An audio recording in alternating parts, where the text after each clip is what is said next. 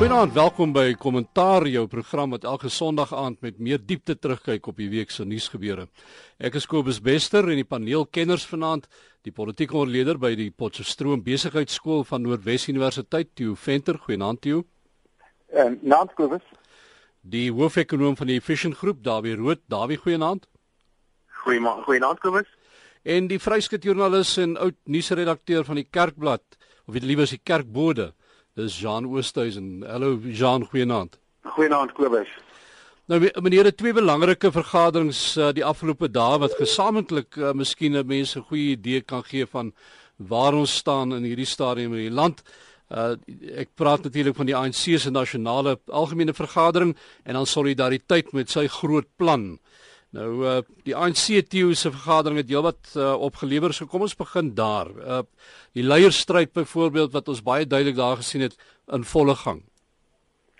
Ja, ek dink dit was 'n baie belangrike vergadering vir die ANC om so 'n bietjie introspeksie te doen. Dis die aard van sy ehm um, sy nasionale algemene vergadering. Ek sien party koerante vertel dit met sy hoofraadsvergadering waarin hulle so 'n bietjie terugkyk na waar hulle was en so 'n bietjie vorentoe kyk na die komende twee verkiesings in 2016 en ook in 2017 die verkiesing van nuwe leierskap van die ANC. Nou ten spyte van al die ontkennings wat daar sedert Vrydag was en gister en vandag dat daar eintlik agter die skerms al reeds 'n bietjie gepraat word oor leierskap en oor opvolging, um, is dit in wese wat hierdie vergadering gekenmerk het want almal weet meneer Zuma se termyn eindig in 2017 en almal weet sy termyn as president eindig in 2019 en in alle waarskynlikheid vroeër. So dit dit was bepalend vir hierdie vergadering en vir my was die die koppelstuk tussen die twee byeenkomste wat jy in jou inleiding genoem het dat die plan B van solidariteit is in 'n sekere sin 'n aanklag teen die ANC se swak bestuur van Suid-Afrika. Dis een van verskeie, maar dit is een van die metodes wat die ANC moes 'n bietjie neem na introspeksie toe. Ek noem een of twee voorbeelde van daai introspeksie. Eerens het hulle iets gehoor in die afsluitingsrede uh, van president Zuma het hy gesê die gemiddelde swart leerder in 'n swart skool kry 3 ure per dag klas terwyl die gemiddelde wit kind in 'n model C skool kry 6 ure in 'n dagklas wat beteken die wit kind kry oor 'n periode van 12 jaar 3 jaar langer skool as die swart kind kry en dan herhaal hy nou sy ou storieetjie van onderwysers en betyds wees en dat hulle met Satu sal praat. Nou, ons sal dit nog sien. So baie belangrike vergadering vir beide. Maar ook opvat, opvallend ook dat daar's baie gepraat ook oor korrupsie en mense kry al toenemend die gevoel dat daar uh onderling of eh, onderlangs binne die uh, ANC waar hulle nie te hard daaroor praat nie, maar mense kry die idee dat hulle wel bekommerd is dat daar al hoe meer mense is wat voel dat uh dat daar opgetree moet word wat inderdaad nie deur die ANC gedoen word op die oomblik nie. Ja, dit is beslis so en Uh een van die interessantste oomblikke was toe die ehm um, voorstel gemaak is deur iemand minder nie as Gwede Montage dat indien 'n senior lid van die ANC uh uh beskuldig word van van korrupsie of bedrog of hy word aangekla, dan behoort hy eintlik onmiddellik sy pos te ontruim. Wat natuurlik baie goeie korporatiewe bestuur is. Dit gebeur in die res van die wêreld en dit gebeur in groot maatskappye en dit gebeur by universiteite en enige ander plek, maar nie in die ANC nie. Daar sê hulle die hele tyd jy's onskuldig tot jy skuldig bewys is. Ek dink byvoorbeeld aan die leierskap in die Noord-Kaap. En ehm um, hier het die hier het twee premiers, uh veral een, bekende een, het wat baie sterk gekant teen die voorstel van Gwede Mantashe dat jy jou pos moet ontruim en dit was niemand minder nie as Ys Magashule. En die dilemma wat die ANC met korrupsie het, is tweeledig. Ek dink nie hy kan met 'n oorwoe oortuiging teen korrupsie praat as die die aantuigings en die klagtes teen die president as die hoogste amptenaar in die party soos 'n albatros om sy nek hang en op die laagste vlak dit een van die befondsingsmeganismes is vir hoe die ANC homself aan die lewe hou. So ek dink hierdie was in alle eerlikheid 'n gepraat. die integriteitskomitee wat eintlik of kommissie wat eintlik hierdie goed moes bestuur het sedert Mangaung het eintlik nog nie gefunksioneer nie. So ehm um, ek dink dit was 'n 'n belangrike gepraat maar of daar veel van gaan kom nie. Ysma Geshuli natuurlik ook uh, na bewering lid van die sogenaamde Premiersliga. Dis reg ja, hy hy en die premier van Noordwes en die premier van ehm um, ehm um, Mpumalanga lyk my het 'n soort van 'n premierliga gestig, 'n informele belangegroep om te kyk hoe hulle die leierskapsproses kan beïnvloed in die volgende jaar of twee. In watter kamp sou jy hulle plaas, Tieu? Dit is 'n baie moeilike vraag. Ek het aanvanklik gedink hulle is in die Zuma kamp, want hulle wou gehad het Zuma moet vir nog 2 jaar aanbly. Ehm um, jy weet seker dat die ANC het ag sedert sedert die begin van die periode toe hulle Suid-Afrika begin regeer het nog altyd hierdie sinkronisasie probleem met wanneer hulle party kongresse plaasvind en wanneer ehm um, verkiesings plaasvind en daar's gewoonlik 'n 'n 2 na 3 jaar verloop en hulle wil dit nader aan mekaar bring soos wat die meeste ander partye die geval het nou wat dit veroorsaak is dat jy kry soos in Tembeki en soos wat nou weer met Zuma gaan gebeur. As die ANC 'n nuwe leier kies, dan bly Zuma president van die land nog vir 2 jaar terwyl hy nie meer leier van die van die regerende party is nie. Dit veroorsaak altyd 'n klomp spanning.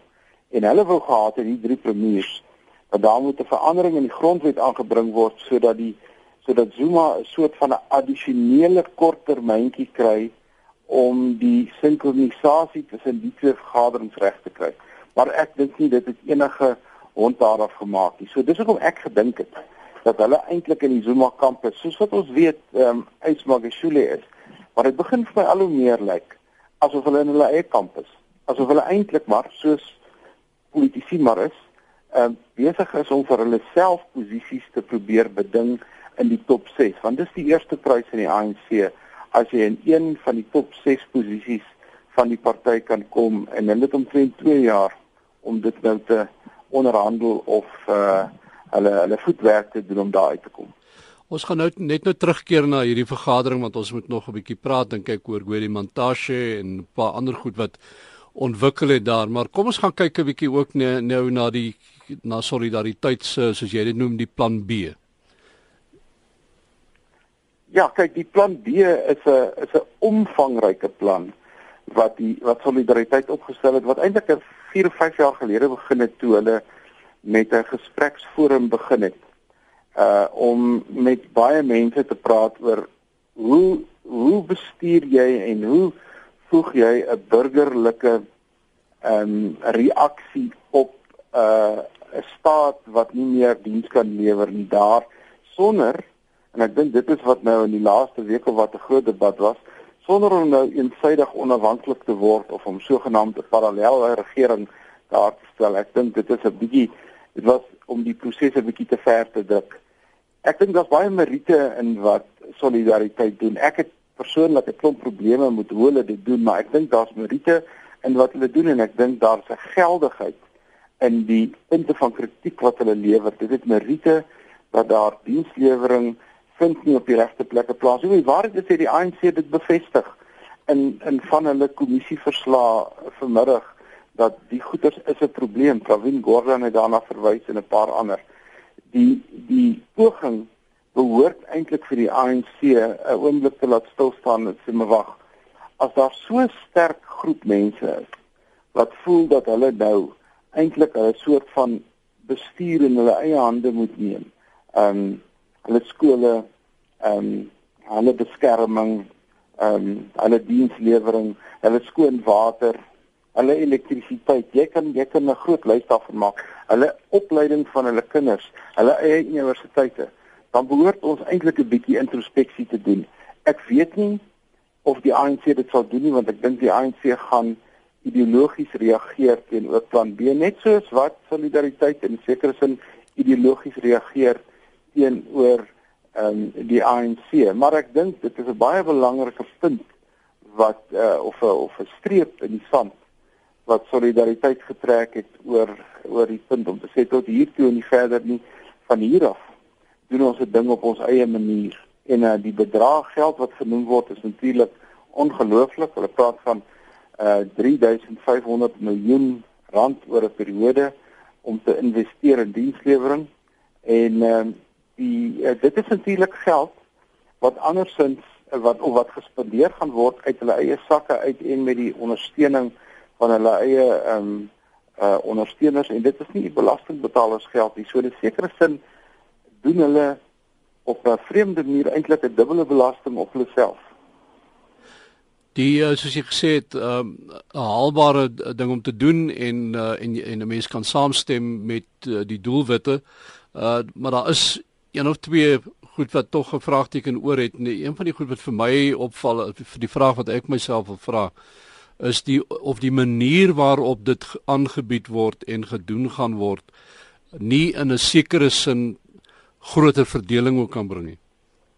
Wel dit was dit was my kritiek um, op op plan B toe ek deur beeld gevra was wat my punt was en dit is dat ehm um, wat in Suid-Afrika nodig is is dat die vlakke van polarisasie afbestuur moet word en nie opbestuur moet word nie. En die oomblik wat 'n mens begin met hierdie selfhelpskema sal is dit hoe noodsaaklik. Dra jy eintlik by tot groter polarisasie. Jy dra by daartoe dat die die uiteindelike mikpunt van Suid-Afrika na 94 is om 'n Suid-Afrika daar te kry waarin almal op 'n sekere manier tuis hoort. Nou ek het geen twyfel daaroor nie dat die ANC het ook daai doelwit erns langs die pad verloor en die toepassing van van van ehm um, swart ekonomiese bemagtiging ehm um, het 'n baie selektiewe soort van groepie bevoordeel en het nie bereik wat dit moes bereik het nie. Die die hele kwessie van hoe ehm um, regstellende aksie bestuur word, het beslis negatiewe uh, gevolge. Daar is geen kwessie daaroor nie. Valsmens na die Weskaap kyk en die belangrike saak wat hulle destyds daar gemaak het. Maar of die antwoord is om dinge nou op jou eie te gaan doen. Daaroor is ek daarvan is ek nie oortuig nie. Kom ons gaan na 'n ander vergadering toe. Uh, Jean, uh, ek wil vir jou bytrek hier. Uh want die die NG Kerk het toe nou hierdie groot stap gegaan hierdie week. Ehm um, ek het net nou na buite geloer, ek het nog nie gesien die hemel skeur nie. Maar uh, daar is uh, baie mense wat reken die kerk kan dalk skeur. En dit is natuurlik die kerk se besluit oor die gay kwessie. Ehm um, Jean, uh, 'n groot oomblik, uh, iets wat uh, baie min mense eintlik verwag het. Ja, uh, definitief Kobus, uh, dit het dit het regtig wel as 'n as 'n groot verwag, uh, verrassing gekom. Uh almal het geweet hulle gaan die saak bespreek by die sinode, maar die die besluit wat geneem is het uh het regtig wat uh, almal verras want die jy moet onthou dat die aanbeveling van die kerk se leierskap van die moderaanse kant aan die sinode sou gewees het dat daar nie 'n besluit geneem word oor hierdie saak nie en dat dit verder verwys word vir verdere studie. Uh juis omdat hulle bang is dat uh, die kerk dalk kan skeer en omdat hulle nou nie graag hierdie ding tot op die punt wou gedruk het nie. Maar die uh die gevoel onder se nodigangers, afgevaardigdes, baie afgevaardigdes was dat die kerk nie kon aanhou om hierdie om hierdie besluit aanhoudend uit te stel nie en uh, hulle het baie sterk daarop aangedring dat die sinode 'n besluit moet neem een of ander kant toe. En uh, uiteindelik was daar toe vo twee voorstelle op die tafel gewees. Die een was 'n voorstel van Dr. Andrei Bartlett uh, dat die kerk wel 'n uh, besluit moet neem en dan dat hulle gay huwelike, hulle noem dit nie huwelike nie, gay verbintenisse hulle dat hulle dit goedkeur en dat dit ook in die kerk kan geskied en dan was daar 'n teenvoorstel gewees van uh, uh, die moderator van die Oos-Kaap Chris van Wyk dat daar uh, nie nou 'n besluit geneem moet word nie, maar dat daar verdere studie geneem moet word. En uh ja, uiteindelik het die sinode gestem en uh hulle twee keer gestem. Eintlik die eerste stemming was toe 102 stemme ten gunste van Andre Bartek se besluit en 88 daarteen. Uh die sinode wou toe al die twee moties uh, saamtrek en hulle het uh, tweede keer gestem nadat die twee voorstellers bymekaar gekom het en uh toe het uh die die pro-gay stem nog verder gewen met 114 stemme teen 63 en uh, dit het almal verbaas. Ek het uh, selfs met Andre Bartlett oor gesels, selfs hy wat die wat sy voorstel gedryf het, het vir my gesê uh, dit het al sy verwagtinge oortref. Jy Dan kan ek jou hierdie vraag vra. Ek het ek was vir een of twee keer genooi in die laaste jaar om om NG vergaderings toe te spreek oor die politiek en die eerste vraag wat ek altyd gekry het was oor Bellaar.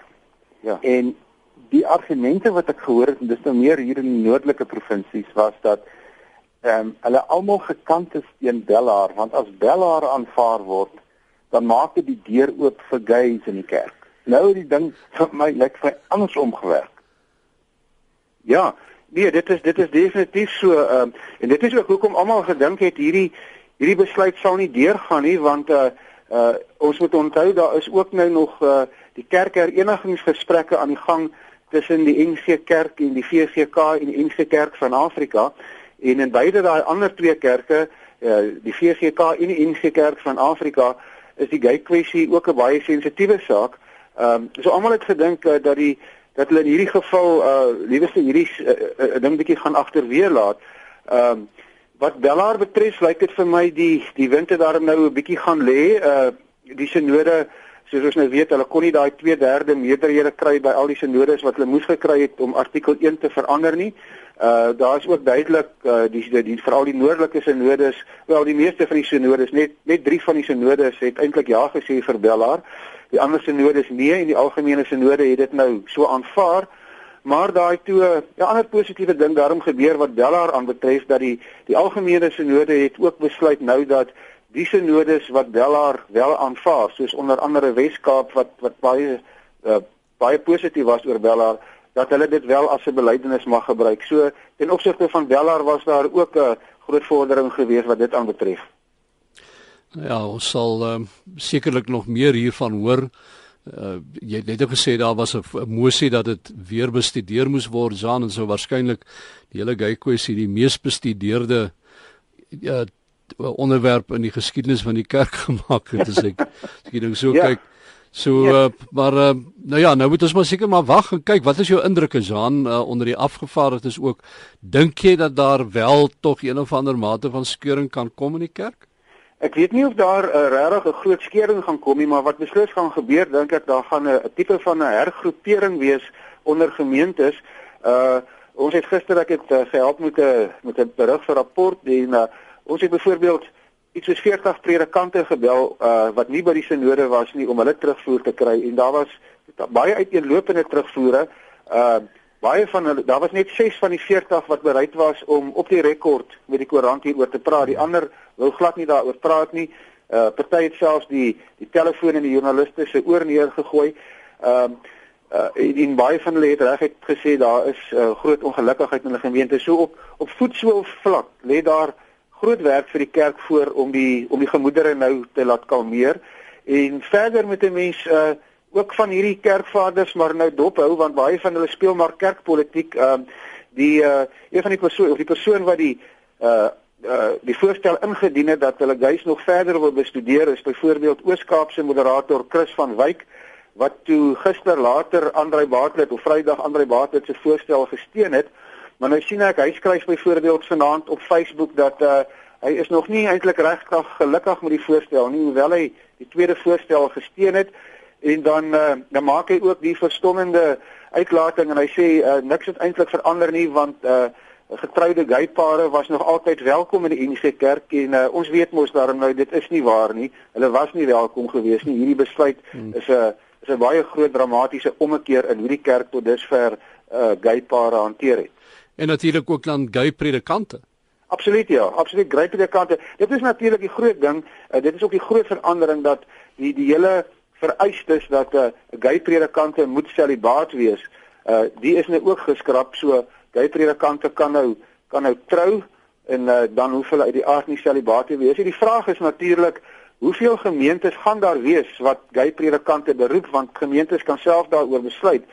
Nou ja, ek dink nie mense kan gemeentes dwing om 'n gay predikant te beroep nie. Dit is nou maar in gemeentes se hande, maar dat daar wel gemeentes is wat uh wat geen beswaar het om om om gay paartjies te trou nie, die is so en uh, ek dink mense sal dalk seker nie op groot skaal nie, maar mense sal mense sal daarvan wel kan kan sien.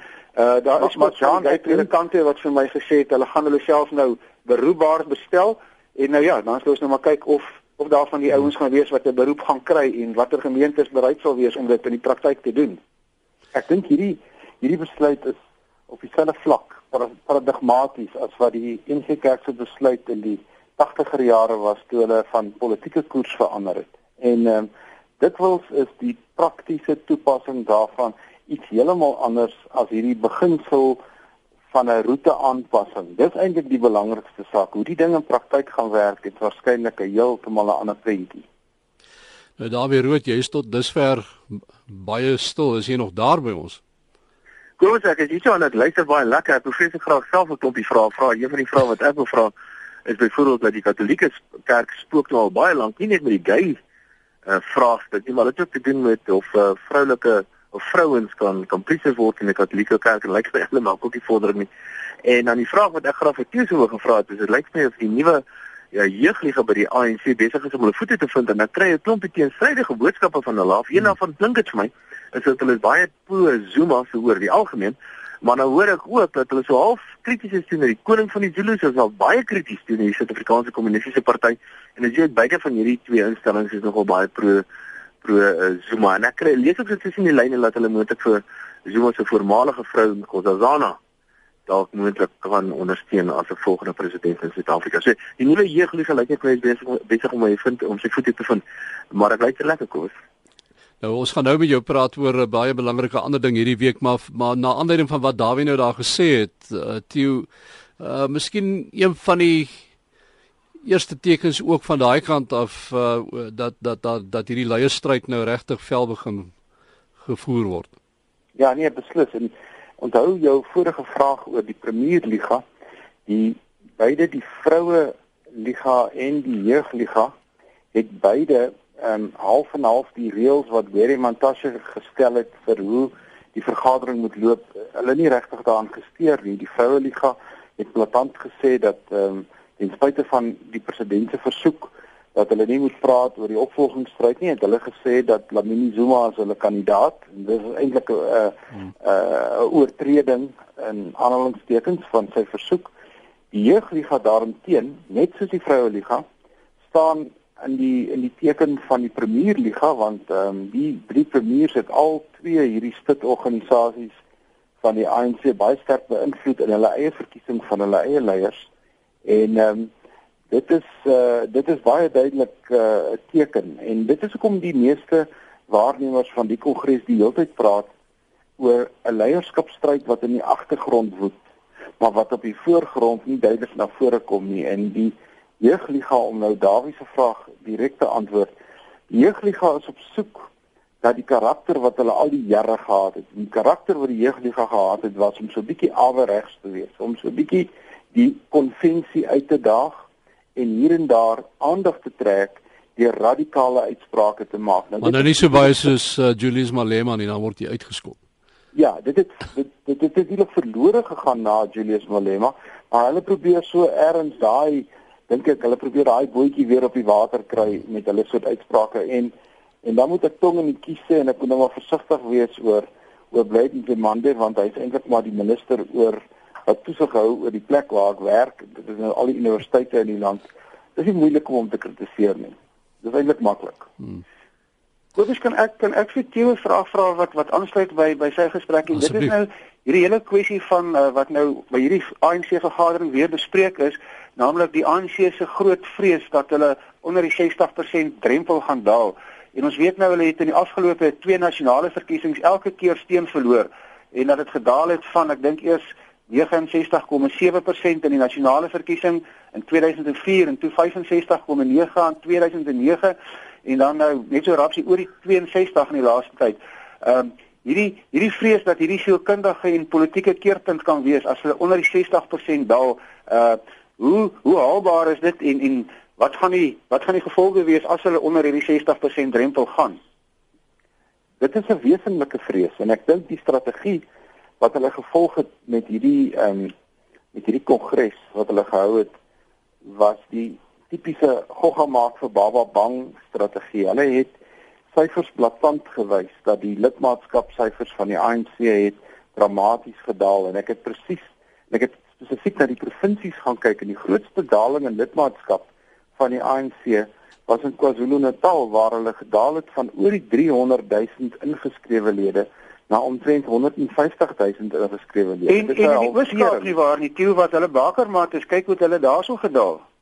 Ja, dit is 'n dit is 'n halvering van die lidmaatskap wat hulle hmm. gehad het. Nou die die groot vrees natuurlik is nie hulle steun landwyd nie. Ons vir die die ANC se vrees is dit wat die DA gaan identifiseer het as hulle moontlike winste en dit is die kospapa van die groot 4 los net maar Potch uit want hulle het dan Potch onder die groot 5 gesit maar die groot 4 het veral te doen met die metros en dat vandag of gister 'n artikel verskyn oor etol en dat die etolstelsel op wankelrige bene staan want die afgelope maand of wat was die gemiddelde inkomste vir etol net 60 miljoen terwyl die verband terugbetaling van die staat op die etolstelsel of op die hele padstelsel is 260 miljoen. Dit sê vir jou die stelsel kan homself nie handhaaf nie en hy kan hom nie handhaaf nie want die gemiddelde ANC ondersteuner in Gauteng wil nie etol betaal nie. En dit al hierdie faktore gepaard gaande met swak dienslewering,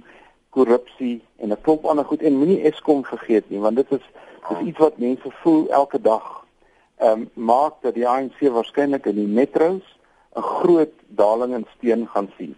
Ek dink hulle gaan nog steeds die die grootste deel van die land beheer, die grootste hoeveelheid van die plaaslike regerings. Maar die vraag is wat gebeur as hulle onder 60% daal?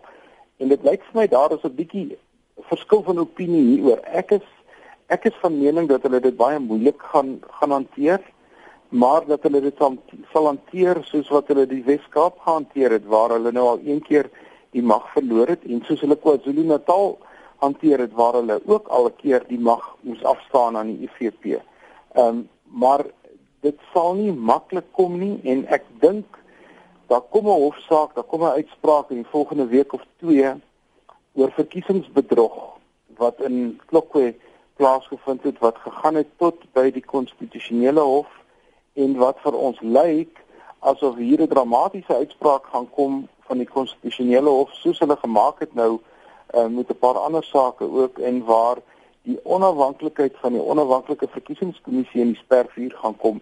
En as jy nou die koneksie maak daarvan dat 'n raadgewer van Zuma is nou benoem op die verkiesingskommissie dan kan jy dan kan jy sien waartoe ek mik. As hulle dink hulle gaan steen verloor dan dink ek um, word veilspel deel van van die normale patroon wat ons sal sien. Davie daar het nou nog uh, gebeurtenis hierdie week hier op plaas gevind wat ek dink uh, iets is waarvoor ek weet ek dink nie ek weet jy voel sterk oor die goed. Uh die befaamde Franse ekonom Thomas Piketty het hier by ons gepraat. Uh en een van die goed wat hy toe baie sterk mee uitgekom het is dat die oplossing vir hierdie land se probleme ten opsigte van uh armoede is uh om rykdom meer te belas. Uh eerder as wat uh, die ander skool wat sê uh dat ons moet beter groei bewerkstellig en daardeur armoede uitwis. Ja, ek wil sê dit sou wees af en toe dat ons 'n popster selfs in ons uh beroep kry die popster wat ek kan dink was waarskynlik John Maynard Keynes en hier voor hom was Karl Marx. So af en toe kry mense daarom onder ekonomie ook so 'n bietjie van 'n pop, popster en sekerlik is Thomas Piketty, Monsieur Piketty besonder gewild en hy het nou nogal redelike vloedgolwe veroorsaak wêreldwyd oor sy siening. Dis net so vinnige agtergrond oor wat sy basiese siening oor die ekonomie is. Hy sê dat die tempo waarteen kapitaal of rykdom soos hy dit noem, so opbrengs toeneem is vinniger as wat die ekonomie oor die algemeen groei. Met ander woorde, as jy rykdom binne in die ekonomie het, dan word jou inkomste word dit in 'n vinniger tempo groter as wat die gewone werker in die ekonomiese inkomste natuurlik toeneem. En hy het hele spul statistieke hoekom hy dit hoekom hy dit sê ek die statistieke kry hoofsaaklik uit kontinentale Europa ook uit Engeland en so bietjie uit Amerika uit en hy gee toe daar's 'n paar paar potensiële probleme in sy teorie. Ehm um, basies kom dit daarop neer dat die rykes word ryker en die armes word in 'n stadiger tempo ryker. Nou wat stel hy nou voor vir wel as stomp voorstelle wat hy maak onder andere stel hy voor vir 'n internasionale rykdomsbelasting waar die ryker lande vir die armer lande geld gee en natuurlik rykdombelasting oor die algemeen en 'n verhoging in belastings oor die algemeen sodat ons meer kan herverdeel. Wat Suid-Afrika betref, en hy het 'n draai in Suid-Afrika kom maak en hy is 'n bietjie van 'n wat noem jy wat s'ie woord 'n poster boy vir die vir die linkerkant se vleuel van die van die ekonomiese spektrum of die politieke spektrum en hy het gesê wat ons nodig het in Suid-Afrika is 'n klompie dinge en dit is nou sonder dat hy behoorlike ingelig is en behoorlik verskoold is in Suid-Afrika se geskiedenis en Suid-Afrika se ekonomiese statistieke is onder andere waar hy nou voorstel dat ons 'n rykdombelasting in Suid-Afrika het. Ek miskien net noem dat ons al reeds 'n hele spul rykdombelastings in Suid-Afrika het. En byvoorbeeld eiendomsbelasting is 'n rykdombelasting, kapitaalwinsbelasting is 'n rykdombelasting en 'n hele spul ander heffings wat ons betaal in Suid-Afrika. Alles is rykdombelastings. So uit 'n rykdombelasting is inderdaad in Suid-Afrika voorgestel, maar hy het gesê die hoofrede van die rykdombelasting in Suid-Afrika is nie noodwendig om te herverdeel nie, maar om meer inligting in te win. So jy wil net weet wat aan die gang is in Suid-Afrika sodat ons dan gebaseer op hierdie beter kennis wat ons gaan inwin dan die nodige besluite uh, kan neem. Ehm um, en daar's baie kritiek teen Piketty Uh, een daarvan wat ek byvoorbeeld het oor sy voorstel vir 'n rykdombelasting in Suid-Afrika is dat volgens die internasionale monetaire fonds is Suid-Afrika die mees suksesvolste land in die wêreld uh, wanneer dit kom by herverdeling via die fiskus. Met ander woorde, die belasting wat ons het in Suid-Afrika is hoofsaaklik op die sogenaamde rykes en hierdie geld word dan oorgedra aan die sogenaamde armes. En ons is besonder suksesvol daar daarmee in Suid-Afrika. Ek het al self hierdie op die berekenings daaroor gedoen en ek kan vir jou sê die men, en as ek praat van rykes, praat ek nie net van baie ryk mense in Suid-Afrika nie. Ek praat dan van die middelinkomste groepe se belasting vir hulle betaal. Daar ek kan net noem dat die ja. wêreldekonomiese forum se onlangse mededingendheidsverslag sê ons is 14de in die wêreld met betrekking tot die deursigtigheid van ons belastingprosesse en die regverdigheid daarvan. Ek dink eintlik moet mense byvoeg en sê wat Suid-Afrika se fiskus aanbetref. En dit is die minister van finansies se syfers was ons gewoonlik nommer 1 in die wêreld gewees. Ons is nou onlangs ontroon en ons is nou nommer in die wêreld. Uh, Nieu-Seeland as ek nie mis dit nie is nommer 1, maar die staat se syfers is besonder deursigtig. En die staat se syfers sê vir ons alles wat ons wil weet. En dit is baie moontlik om al hierdie tipe van berekenings wat ek nou gedoen het om om dit te bepaal.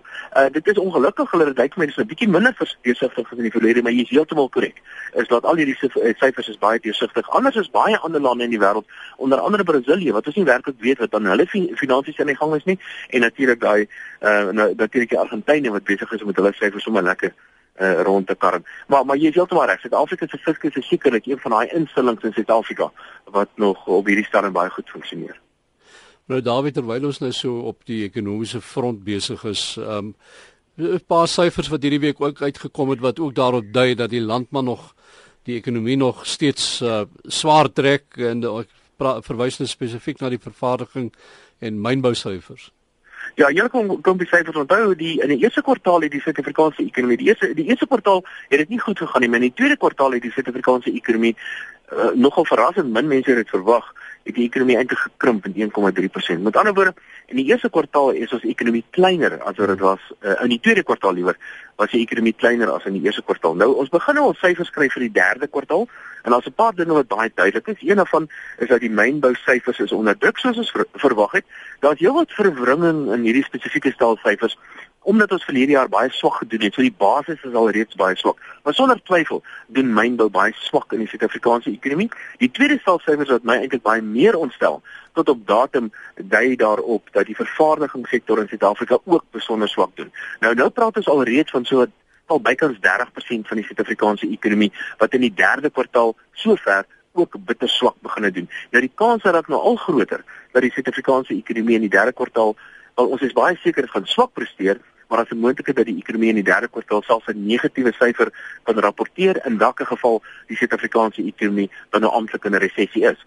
Dit gaan natuurlik allerlei implikasies hê. Dit beteken dat uh, ekonomie uh, die die grootte van die ekonomie word word gewoonlik gebruik om 'n klomp verhoudings te bereken, soos ons al genoem het, die fiskale en die lopende rekening tekort en skuld en dis meer en al hierdie syfers gaan natuurlik in die verkeerde rigting beweeg en die kans raak al goed al beter en laat ons moontlike afgradeering hier teen die einde uh, van die jaar gaan sien. Koop is miskien net 'n tegniese ding wat 'n baie interessante ding is nou ek wil nou ek gaan dit nou in baie eenvoudige probeer terme probeer stel en ek het so 'n idee hierdie week gaan ons miskien bietjie meer inligting daaroor kry. Die uh, die tesourier het aangekondig dat hulle het Vrydag aangekondig dat hulle klomp buitelandse skuld 'n dollar skuld afbetaal het. Wat natuurlik niks meer verkeerd is nie. Maar die tesourier het nie dollars self nie want hulle hou nooit dollars nie, hulle hou net rande. Hulle verkoop altyd hulle dollars aan die Suid-Afrikaanse Reservebank. Dit beteken die tesourier moes van sy eie rande gebruik het om hierdie dollars by die Reservebank te koop. Nou, dit gaan nou terug so 'n paar jaar terug toe die minister van finansies besonder goed gedoen het in sy inkomste en 'n klomp rande geïn het, meer geïn het as wat hy gedink het hy gaan doen en hy het hierdie rande oorgedra na die Reservebank toe en gesê hy koop dollars daarmee. Nou ek wil nie te tegnies raak hiermee nie, maar hier's 'n vraagteken wat ek gaan vra en dit is waar kry die tesorie hierdie hierdie hierdie dollars? Hulle kan die dollars slegs kry as hulle dit koop by die Reservebank en ek het so vermoed dat hulle nou kom ons kyk maar wat hierdie week gaan gebeur. Dit gaan baie interessant wees om te sien hoe fiskale en monetêre uh, beleid gemeng was en ek dink dan nogal dat dat die kom ons kyk maar voordat ons nou begin fokus opjag, maar ek gaan nou nogal die syfers dop hierdie komende week. Dis baie belangrik. Maar dan nou, as ek nou miskien het ietsie byvoeg by dit wat Dawie gesê het oor die politieke klimaat want hmm. dit is die goed wat ons nou weer baie interesseer en die die hoof van ekonomiese ondersoek by Stellenbosch doen al 'n studie al sedert hier 1987 tot van die 80s af waar hulle vir ehm um, respondente in die vervaardigingssektor vra tot watter mate beïnvloed politiek jou besluite.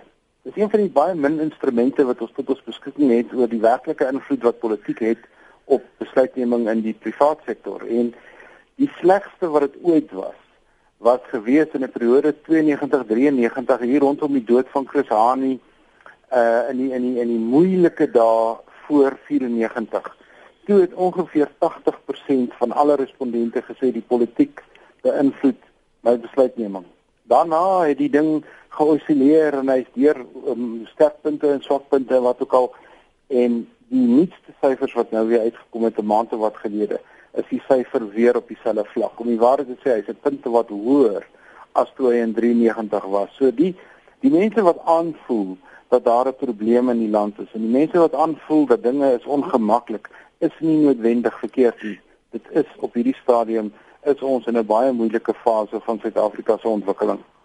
Ek ek glo een van die redes is natuurlik die die staatsbeheerde organisasies. Nou ons al baie oor hulle gesels. Daar's een of twee van hulle wat dit gemaak het tot dusver, maar selfs hulle begin nou te, te wankel. Een van hulle is natuurlik Denel. Tot onlangs het hulle so wat 1.5 miljard rand het hulle surplus kapitaal gehad. Nou ewe skielik kan hulle nie hulle krediteure betaal nie. Hoekom nie? En daar's allerlei gerugte wat rondloop wat is besig om te gebeur by Denel. Nog 'n blinde van Bok wat ek dink baie interessant is, is dat die Wêreldbank natuurlik 'n klomp geld aan Eskom geleen, onder andere om dan hierdie hoë hierdie stoomketels wat ek natuurlik niks van verstaan nie wat verskaf is deur Hitachi te finansier. En nou hoor ons daar's nou stories dat die die ANC self via Chancellor House betrokke is uh, by moontlike korrupsie en die Wêreldbank is nou besig met 'n ondersoek na Hitachi en natuurlik Chancellor House. Maar die interessante ding is die persoon ek het sy naam vergeet wat hierdie ondersoek lei, is 'n voormalige persoon wat wat voorheen gewerk het by die nasionale vervolgingsgesag. So dis nou 'n geval van die blinde simbok wat wat dis nie, wat beskryf is nie dis nie al nie. Hy het nie net gewerk by die vervolgingsgesag nie. Hy was een van die sleutelfigure in die oorgang tussen Mbeki en Zuma. Hy was die man wat moes besluit het of hulle vir president Zuma gaan aankla of nie. McCarthy is hy van en uh, ja dit is 'n blinde sambok. Interessant is om te sien wat hier hmm. gaan gebeur maar die uh, wat wat die, die gevolge hiervan gaan is nogal baie interessant. Ons weet almal dat die wêreldbank is basies onder beheer van die Amerikaners. Suid-Afrika se finansies lyk beroerd. En uh, die, die moontlikheid bestaan sekerlik soos R.W. Johnson gesê het dat ons binne jaar of 2, 3 miskien na die wêreldbank toe kan gaan of miskien die IMF en hulle vra vir 'n lening. Nou as ons of as die ANC nou skuldig bevind word dat hulle miskien hulle vingers 'n bietjie in die til gehad het en en uh, ons vra 'n verlening by die Wêreldbank wat onder beheer van die Amerikaners is, dan dink ek gaan die Amerikaners twee keer dink voor hulle vir daai geld vir ons gaan leen. Nou, terwyl ons daar oor oor hierdie goed praat, uh, Theo, uh, kom ons gaan terug na hierdie ANC vergadering uh, die afgelope dae en tekens dat die land toenemend tog maar vir hom op een of ander manier half vervreem van die sy ou westerse uh bondgenote, handelsvennote. Ehm um, die daar is baie sterk dryf uh dryfkrag onder hierdie ouens om uh, hulle self te onttrek aan die internasionale strafhof byvoorbeeld. Mhm. Mm ja, nee, beslis. Dit is uh dit, ek dink dis een van die 3 of 4 hoogtepunte as mens dit so kan noem van wat gebeur het oor die naweek as die besluit. Onthou net hierdie hierdie hierdie kongres van die ANC is 'n is 'n adviserende een, maar ons het in die verlede al gesien dat besluite wat by hierdie soort van ehm um, vergaderings geneem word, maar tog inslag vind in beleid ver voordat hulle weer by 'n kongres uitkom, 'n leierskapskongres wat eers in 2017 moet plaasvind.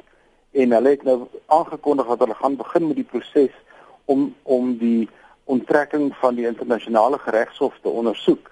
Dit het natuurlik direk verband met die besoek van president Bashir van van ehm um, Sudan aan aan Suid-Afrika en die gevolglik en daarop volgende hofbeslissings en ook die konstitusionele hof se uitspraak wat sê die regering het hier in werklikheid 'n oortreding begaan. En nou lyk dit vir my eerder as om die meriete van die saak te hanteer, onttrek ons liewer van die hof. My kritiek daarteenoor is dat uh in terme van Suid-Afrika se internasionale mededingendheid wat ons nou verlede week so 'n bietjie bespreek het.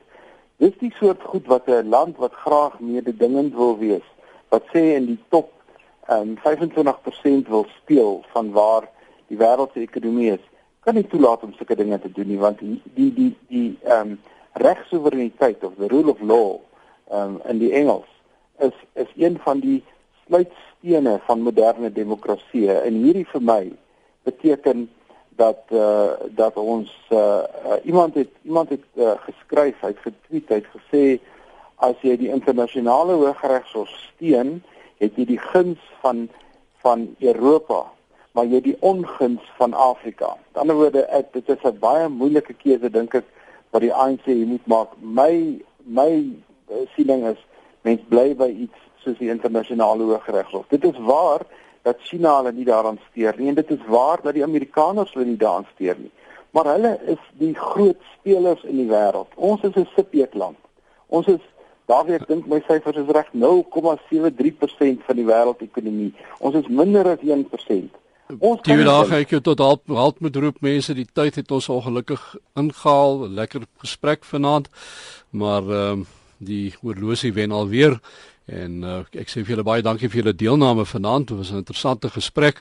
Ons paneel vanaand Theo Venter van uh, die Besigheidsskool Potchefstroom Besigheidsskool, uh, die hoofekonoom van die Efficient Groep Dawie Rood en die vryskut joernalis oud nuusredakteur van die Kerkbode Jean Oosthuizen. Meneere al drie baie dankie en uh, kommentaar groet tot uh, volgende Sondag aand. Ek is Kobus Bester en ons is 8uur volgende Sondag aand weer terug.